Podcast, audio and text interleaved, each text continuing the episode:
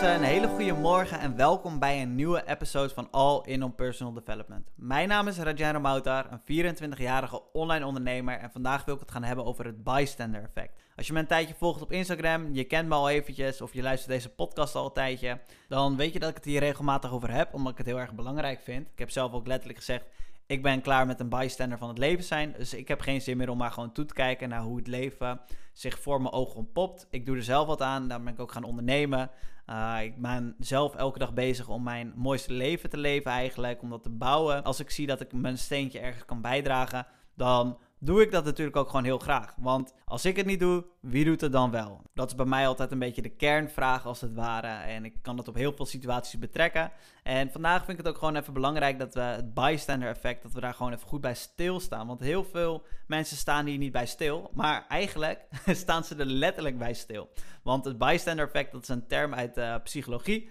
En in het Nederlands vertaald betekent het letterlijk het omstanderseffect. En wat het inhoudt is eigenlijk, als je het nog niet weet, misschien denk je van ja, ik weet wat het betekent, Jen. Anders, het is letterlijk dat mensen uh, je eigenlijk maar toekijken in een noodsituatie of als iemand hulp nodig heeft of er is een ongeval. Uh, maakt niet zoveel uit wat er is. Maar dan zijn mensen heel erg goed in het stil blijven staan en kijken. Een beetje de ramptoerist als het ware uithangen. Maar ondertussen denkt bijna iedereen van, moeten we diegene helpen? Hmm, maar ik ben hier niet echt geschikt voor. Iemand anders zal het wel doen. En dan kijk je om je heen van, nou ja, die zal zo meteen wel te hulp schieten. Of ik wacht wel eventjes. Dan hoef ik niks te doen. En dit is wat heel veel mensen denken en doen in zo'n situatie. Alleen het probleem zit hem in dat iedereen dit denkt. dus iedereen denkt hetzelfde, dus bijna tegelijkertijd. En er zijn altijd maar een paar mensen die dan wel in één keer te hulp schieten. En waarom ik het heel belangrijk vind, is dat we met z'n allen als mens zijn er gewoon op deze kleine aardkloot onze verantwoordelijkheid ook pakken om elkaar te helpen. Maar ook om iets beters te doen voor de maatschappij, uh, ons steentje letterlijk bij te dragen. Want de theorie van het bystander effect luidt ook nog eens als hoe groter de groep eigenlijk is, hoe kleiner de kans is dat iemand gaat ingrijpen. Dus met, eh, als je nog met meer mensen bent, dan denkt iedereen van, oh, er zal vast wel iemand zijn die iets nu gaat doen. Waardoor er ineens heel veel tijd over de situatie heen kunt gaan. En als iemand nou echt daadwerkelijk hulp nodig heeft, denk dan niet van, oh, iemand anders doet het wel. Help diegene. Het is ten eerste je verantwoordelijkheid als mens zijnde, maar wacht ook niet te lang en ga ook niet denken van dat iemand anders het misschien wel gaat doen. Want grote kans dat die persoon precies hetzelfde denkt. Dit werd in 1964 um, ja, bystander effect genoemd. Toen werd er een vrouw neergestoken en flink ook. En er waren ruim 30 tot 40 omstanders die eigenlijk gewoon aan het kijken waren van wat er gebeurde. En dat duurde dus 35 minuten lang voordat iemand dacht van ik ga hier wat aan doen. En dat kwam dus omdat er zoveel omstanders waren. En hoe meer omstanders er dus zijn, hoe kleiner de kans is dat iemand ingrijpt. En nou, dat is dus iets wat we met z'n allen eigenlijk moeten voorkomen. Als iemand hulp nodig heeft, dan moet je meteen te hulp schieten. En wacht niet te lang, want dat kan juist fataal zijn voor diegene. En redenen daarvoor zijn natuurlijk dat iemand bijvoorbeeld gewoon, ja, dus of denkt, iemand anders fixt het wel, ik hoef niks te doen. Of je zit zelf in de stress en je moet wat gaan regelen en je bent bijna te laat op je werk en je denkt, oh, ik kom in de problemen. En dan laat je het maar gewoon gaan. Ja, dat zijn, er zijn veel redenen waardoor je denkt van, ik ga het niet doen.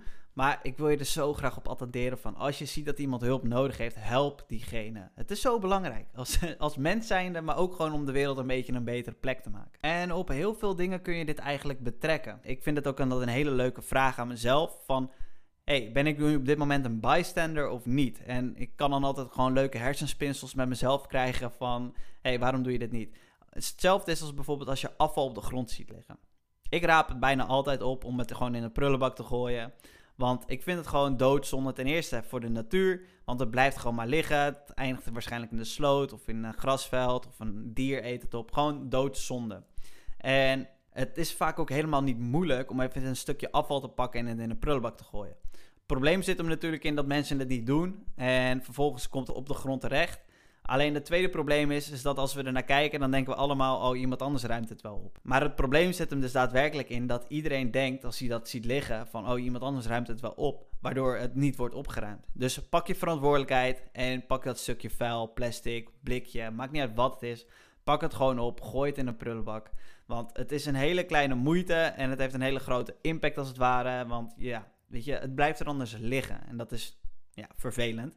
En daarom vind ik het in Japan vond ik het heel prachtig om te zien dat Er zijn geen prullenbakken op straat. Iedereen heeft gewoon een plastic tasje met zich mee. En iedereen is verantwoordelijk van zijn eigen afval. Dat stop je gewoon in je eigen plastic tas en je gooit het thuis in de prullenbak. En vervolgens scheid je je afval ook nog. Dat is perfect. Straten zijn daar brandschoon en het is een van de dichtstbevolkste steden ter wereld.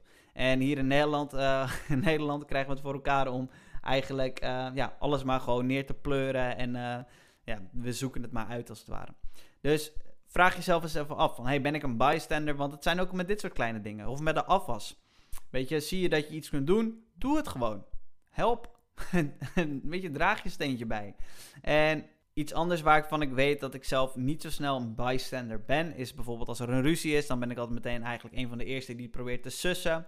Uh, nou zoals de mensen die me kennen, is dat niet altijd uh, even goed afgelopen. Want uh, ook een keer flink in elkaar getrapt. Maar goed, um, ik stond er wel om te helpen. En dat is voor mij meer waard dan dat ik maar toekijk, zeg maar, naar de situatie en hoe de situatie zich ontpopt. Want ik weet dat ik als mens zijn er iets aan kan doen. Dus wees ook eerlijk met jezelf als je die vraag stelt. Van, hey, ben ik een bystander in uh, sommige situaties. Weet je, het is, een beetje, het is ook een beetje zoals het uh, vecht- en vluchtinstinct. Weet je, ga je vechten, ga je op de vlucht of blijf je stilstaan, bevries je? Je, stel jezelf de vraag. Wees ook gewoon heel eerlijk met jezelf als je die vraag uh, ja, eigenlijk aan jezelf stelt. Want alleen een eerlijk antwoord kunt je verder brengen. En iets anders wat ik ook bijvoorbeeld doe om eigenlijk um, ja, het bystander effect gewoon te verminderen is dat ik dit jaar heb ik ervoor gekozen om voor drie goede doelen uh, mijn steentje te gaan bijdragen. Dus ik ga voor drie goede doelen geld verzamelen. Dat is in maart ga ik de 4x4 keer 48 challenge van David Goggins doen voor Make-A-Wish. Dus dan ga ik uh, om de 4 uur voor 48 uur lang ga ik 6,4 kilometer rennen. Dus dat is een kleine 80 kilometer in totaal. Dan gaat het flink worden. Dan ga ik in juni ga ik de Alpen de Huses. ik zeg het waarschijnlijk helemaal verkeerd. Alpen de Huus of Alpen de Huus. die berg in ieder geval. Die ga ik beklimmen. Uh, wel rennend. Uh, beklimmen zeg ik dus ik ga me rennen. Want ik haat fietsen. Ik heb echt een scheidhekel aan fietsen. Maar dus die ga ik ja, berennen als het ware. En dan eindig ik dit jaar met, een, met een marathon in Berlijn voor Kika. Dus daar ga ik allemaal geld voor verzamelen, zodat ik ook weer mijn steentje bij kan dragen aan ja, de maatschappij. Want als ik me niet inzet voor kinderkanker, wie doet het dan wel? Weet je, ik heb mijn neefje eraan verloren, dus het ligt bij mij heel hoog. En ik wil mensen helpen, ik wil kinderen helpen. Dus dat gaan we natuurlijk ook gewoon doen. En zo ja, probeer ik mijn bystander effect te verminderen. En deze podcast is ook een effect van uh, ja, bystander effect. Dat ik mensen wil helpen, mensen wil laten inzien van uh, zaken bijvoorbeeld. En tips wil geven, inzichten. En waarom ik dit nou echt zo'n hele interessante vraag ook voor jezelf vind, is omdat ik mezelf ook constant hierop test. Weet je, als ik iets zie gebeuren. Uh, ik zie bijvoorbeeld dat twee mensen een foto willen maken, een selfie, en ze zitten een beetje aan het klooien. En dan zeg ik, zal ik die foto maken? Ik weet ten eerste dat op het moment dat ze die foto hebben, zijn ze natuurlijk super blij, want ze hebben een herinnering vast kunnen leggen. Het is niet zo'n simpele, saaie selfie, maar gewoon een mooie foto. Maar Heel veel mensen zien het gebeuren dat mensen een foto willen maken, een beetje aan het klooien zijn. En iedereen weet eigenlijk stiekem dat die twee mensen, die willen gewoon goed op de foto staan met een mooie achtergrond. Laat ik maar gewoon vragen of ik die foto moet maken. Als je ziet dat iemand in de winkel hulp nodig heeft, om ze kan ergens even niet bij, vraag dan, hey, kan ik je ergens mee helpen? Uh, je kunt zoveel mensen helpen op een dag. Als je er maar ook een keer bewust van bent van, hey, kan ik hier in deze situatie nu wat doen? Of kijk ik nu ook maar gewoon toe? Uh, zie je dat iemand toevallig geld tekort heeft, schiet het even bij als je in de rij staat. Het zijn allemaal van die hele kleine dingetjes, maar we kunnen zoveel meer doen dan dat we eigenlijk denken. En daarom vind ik dit effect heel bijzonder, omdat het iets psychologisch is, zodat wij maar verwachten dat een probleem zich uit zichzelf gaat oplossen of dat iemand anders het oplost. Maar op het moment dat wij verantwoordelijkheid gaan pakken in ook dat soort situaties, ga je zien dat het een veel positiever effect heeft op de rest van je leven. En daarom vind ik het heel erg interessant um, ja, hoe dat effect werkt en hoe je er wat aan kunt doen. Een paar maanden geleden was ik aan het hardlopen. En ik zag een dode kat op de weg liggen. En ik was eerst nog aan het kijken van, is dat nou gewoon een konijn? En toen liep ik gewoon door. En toen dacht ik, nou, toch even kijken van een afstandje. En dacht oh, het, het is een kat. Nou, dat is best wel sneu. En toen zat ik te denken van, ah, nou, die zal zo meteen wel door iemand worden opgepikt of die aan de kant worden gelegd. En dus eigenlijk liep ik weer door. En ik was gewoon letterlijk de verantwoordelijkheid als allergrootste dierenvriend aan het vermijden. Want ik zeg tegen mezelf dat ik de allergrootste dierenvriend op de hele wereld ben. En dat zeg ik tegen iedereen. En iedereen weet dat ook. En dan ligt er een dood dier en dan doe ik van, oh nee, dat is niet mijn verantwoordelijkheid. En toen dacht ik, nee, nee, nee, nee, nee, ik moet terug. Ik moet dat uh, beestje helpen. Dat baasje is zijn beestje kwijt.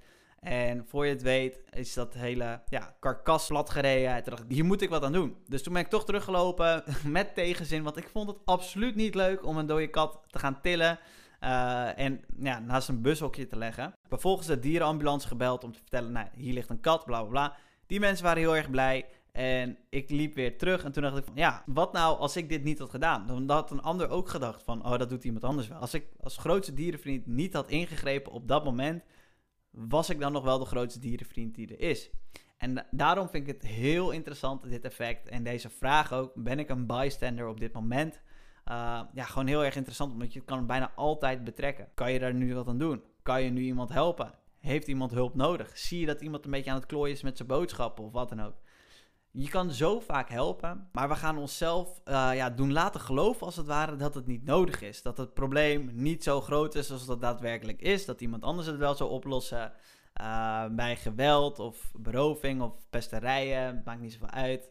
Uh, dan gaan we ook denken van, oh iemand anders lost het wel op. Oh het is niet mijn probleem, ik hoef hier niks aan te doen. Terwijl we juist als mens zijn op deze kleine aardkloot als het ware heel veel kunnen doen.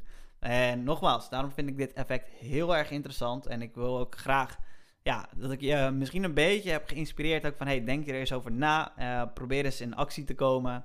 Uh, dit jaar ga ik dus voor drie goede doelen rennen. Om ook dat gewoon even te verminderen. Want ja, weet je, je kan je steentje bijdragen en je hoeft geen bystander te zijn. Alleen je moet er wel bij stilstaan en je moet er wel ook echt daadwerkelijk iets voor doen. En bij deze ga ik deze episode ook afsluiten. Bedankt voor het luisteren. Um, laat me weten wat je van deze episode vond. Uh, heb je suggesties voor een onderwerp voor een nieuwe episode? Laat het me dan ook even weten op Instagram. En dan wens ik je nog een hele fijne dag verder. Ciao, ciao.